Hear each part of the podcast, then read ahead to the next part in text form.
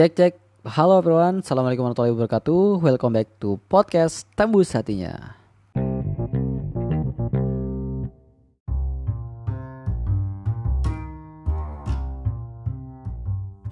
Yuhui, apa kabar teman-teman sekalian? Semoga kita selalu dalam lindungan dan segala rahmatnya Allah Subhanahu wa taala ya. Oke teman-teman, mungkin teman-teman di sini udah bosen dengerin suara gue yang satu menit itu mulu. Jadi karena gue paham perasaan kalian, asik. Maka di sini gue nggak sendirian. Gue akan ngobrol dengan sobat gue, ngobrol santai dengan pembahasan Ramadan Plan.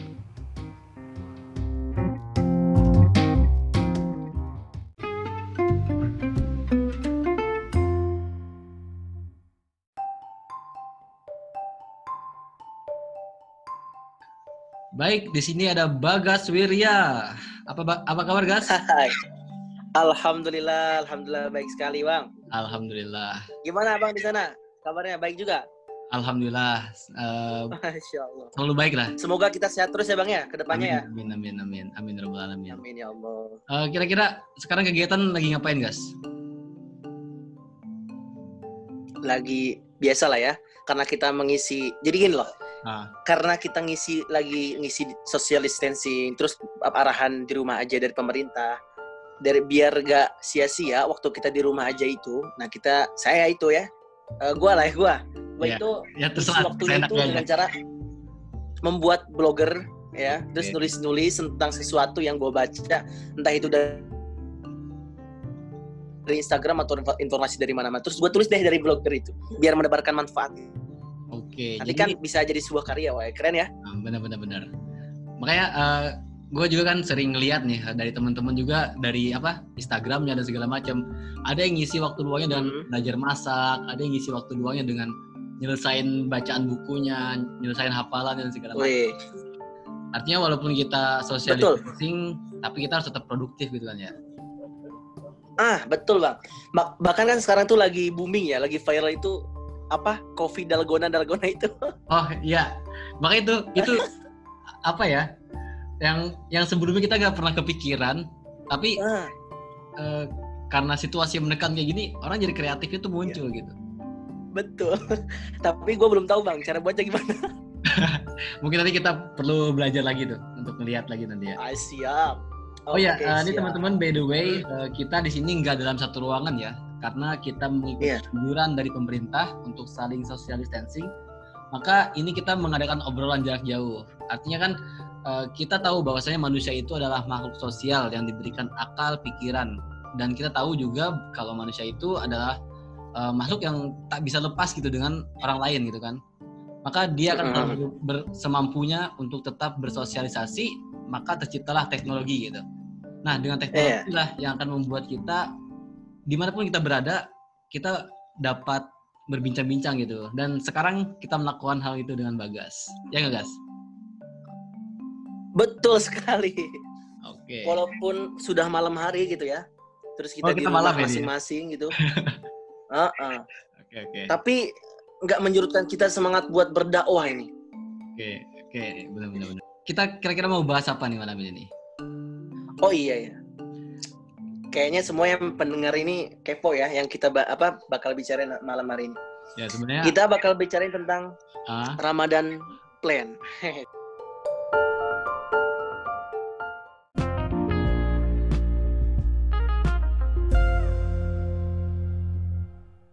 Nah, eh, berkaitan tentang Ramadan, Gas. Eh, oke. Bagi diri seorang Bagas Wirya nih, Ramadan itu apa sih? Ramadan itu adalah sebuah keberkahan yang Allah karuniakan di dalam kehidupan setiap manusia Oke. Oke. Jadi kalau kalau apa seandainya gue bisa membi- apa mengargumentasikan atau mengartikan Ramadan itu Hmm. itu nggak bisa deh satu buku itu penuh ataupun satu buku itu bisa penuh daripada gua menceritakan arti dari Ramadan itu karena bagi gua Ramadan itu tidak bisa dikeluarkan oleh kata-kata saking indah dan berkahnya itu Karena eh, mungkin setiap orang itu punya ini ya, punya cerita cerita tersendiri tentang Ramadannya gitu kan. dan setiap orang tuh mungkin Oh, merasakan pasti itu kayaknya. merasakan hal-hal yang berbeda-beda gitu tentang nuansa Ah. Ramadannya ataupun saat kita detik-detik pengen berjumpa dengan Ramadan itu gitu kan. Betul. Nah, sekarang nih eh, ada nggak sih ber- yang berbeda dari Ramadan yang dulu sama Ramadan yang akan kita hadapin sekarang nih, guys? Kalau dari pandangan Bagas Wah. sendiri deh. Oke. Dari menurut pandangan gue sendiri ya, Bang. Ah, Ramadan tahun ini, oke, gue pengen pakai dua faktor aja, di dua pandangan aja deh. oke. Kalau misalkan dari kita melihat dari eh, faktor dari apa Ramadannya itu sendiri, pasti tidak ada berbedanya ya. Mm-mm. Karena setiap tahun Ramadan hadir dengan nuansa yang sama, membawa keberkahan, membawa rahmat Allah, dan diisi dengan segala ampunan Allah di dalamnya. Pasti itu ya. Cuman fak- pandangan atau faktor berikutnya jelas beda. Dari apa? Dari sisi kondisi dan situasi. Kalau tahun kemarin kan Bang, kita Hmm. semua Ramadan tuh. Ketika masuk Ramadan tuh kan adem ayem ya. Kita apa, biasa, kita ada yang jalan-jalan bareng biasa dan lain sebagainya. Cuman kalau untuk tahun ini ada sebuah musibah yang menimpa bukan hanya di Indonesia gitu, bahkan wabah ini, musibah ini telah menjadi isu internasional. Di seluruh dunia membicarakan isu ini. Nah, itu yang dinamakan dengan wabah atau virus corona ini. Jadi kemungkinan besar tahun ini situasi dan kondisi kita melaksanakan bulan Ramadan itu tidak seperti biasanya. Artinya tidak seperti tahun-tahun sebelumnya. Tahun ini agak ada sedikit kendala dari masalah wabah tersebut. Kenapa bisa dikatakan berbeda dan ada Hmm. kendala?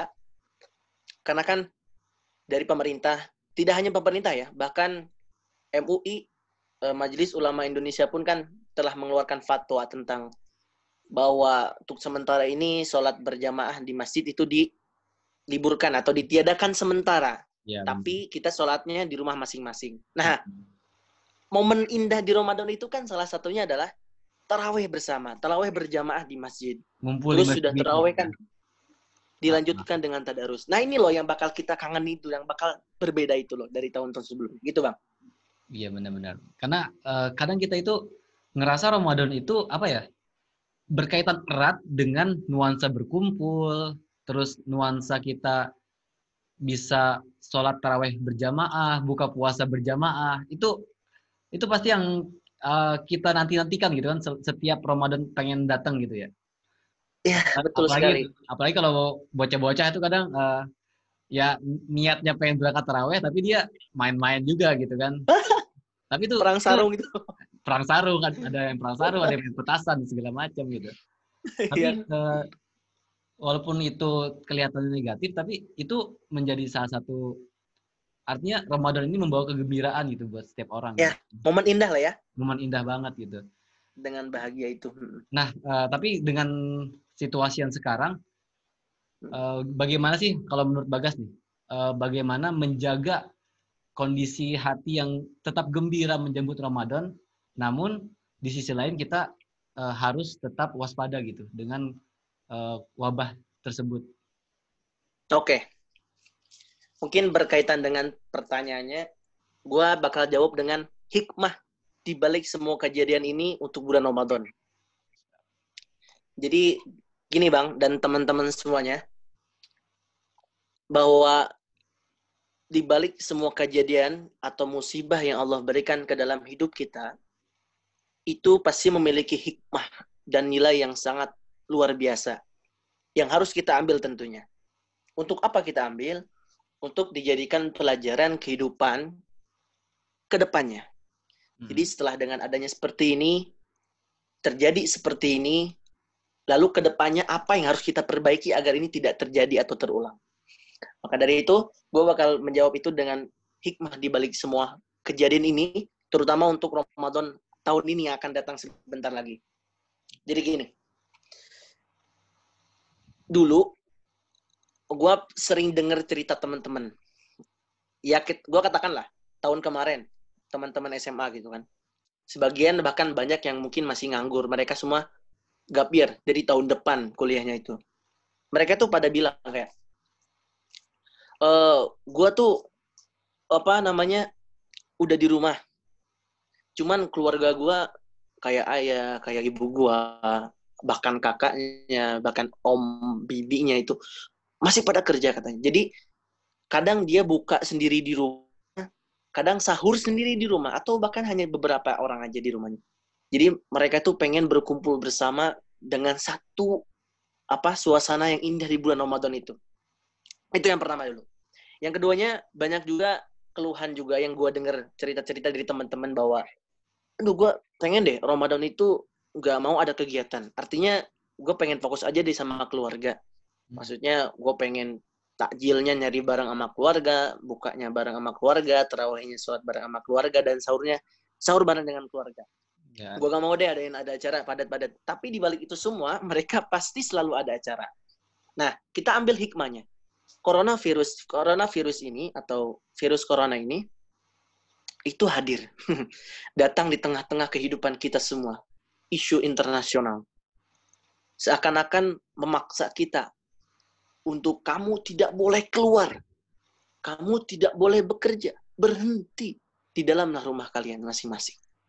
Artinya, seakan kondisi ini memaksa kita semua untuk beristirahat untuk beristirahat daripada jenuhnya dan perjuangan hidup di dunia ini.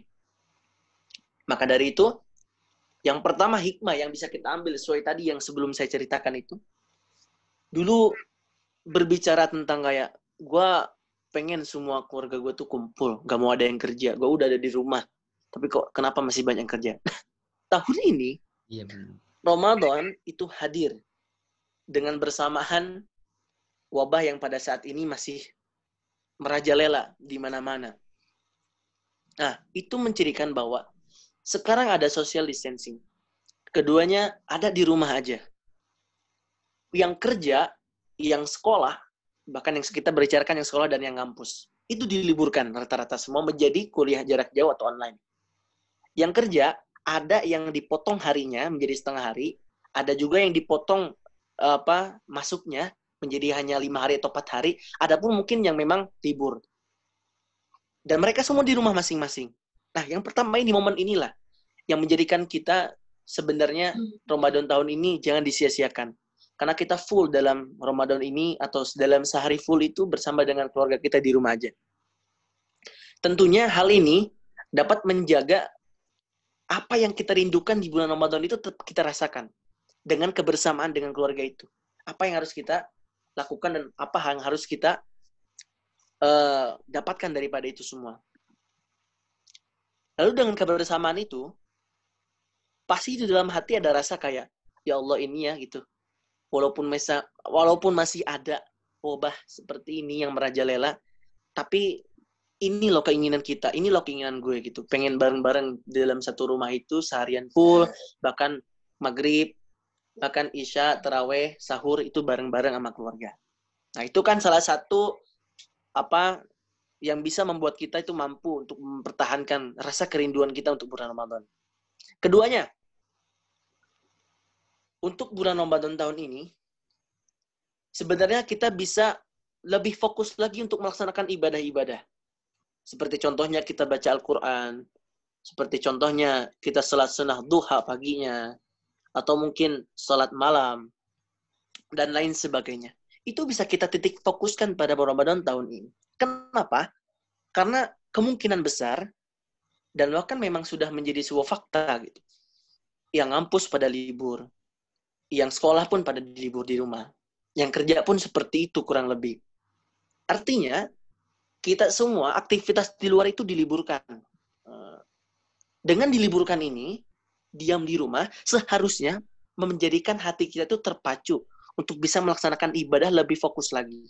Yang tadinya mungkin tahun kemarin, Ramadan masuk sekolah, terus pulangnya siang atau sore, baca Qurannya nggak ada, baca Qurannya mungkin cuma satu lembar, atau mungkin hanya tadarus malam dan itu pun cuma setengah mungkin misalkan pulang main dan lain sebagainya. Nah tahun ini itu kita bisa kita siasati artinya kita bisa fokuskan diri kita untuk bisa membaca Al-Quran minimal minimal dalam satu hari itu kita membaca lima kali baca artinya setiap selesai sholat fardu misalkan subuh minimal satu baca satu lembar dan lain sebagainya sampai seterusnya. Nah dua hal inilah yang menurut gue itu apa bisa membuat kita mempertahankan diri kita agar kita bisa merasakan hangatnya Ramadan. Keduanya agar kita bisa lebih fokus lagi untuk melaksanakan ibadah. Oke. Jadi sebenarnya hal ini uh, bukanlah suatu hal yang ini ya, bukan suatu hal yang yang kita pandang sebelah mata gitu. Artinya kita hmm. wabah ini kalau misalnya kita berpandangan wabah ini adalah sebuah kebaikan, sebuah anugerah yang bisa kita manfaatkan di dalamnya, maka itu akan menjadi suatu hal yang apa ya? Mungkin membuat kita lebih takjub gitu dengan apa iya, betul. yang yang telah Allah aturkan gitu. Yang telah uh. Allah rencanakan dalam suatu kondisi. Uh, sebenarnya betul. setiap kondisi itu pasti ada hikmahnya gitu kan ya. Kondisi betul. pasti ada hikmahnya. Bahkan uh, kita tahu kan bahwasanya dalam Quran tuh surah Al-Insyirah ayat 5 dan 6 itu Allah mengulang dua kali kan ya. Bahwasanya di setiap kesulitan pasti ada kemudahan. Dan Allah ulang lagi tuh, di setiap kesulitan pasti ada kemudahan. Artinya uh, semua itu tergantung bagaimana kita menangkap gitu. Bagaimana kita menangkap, bagaimana kita mengolah apa yang kita terima itu menjadi suatu hal yang positif.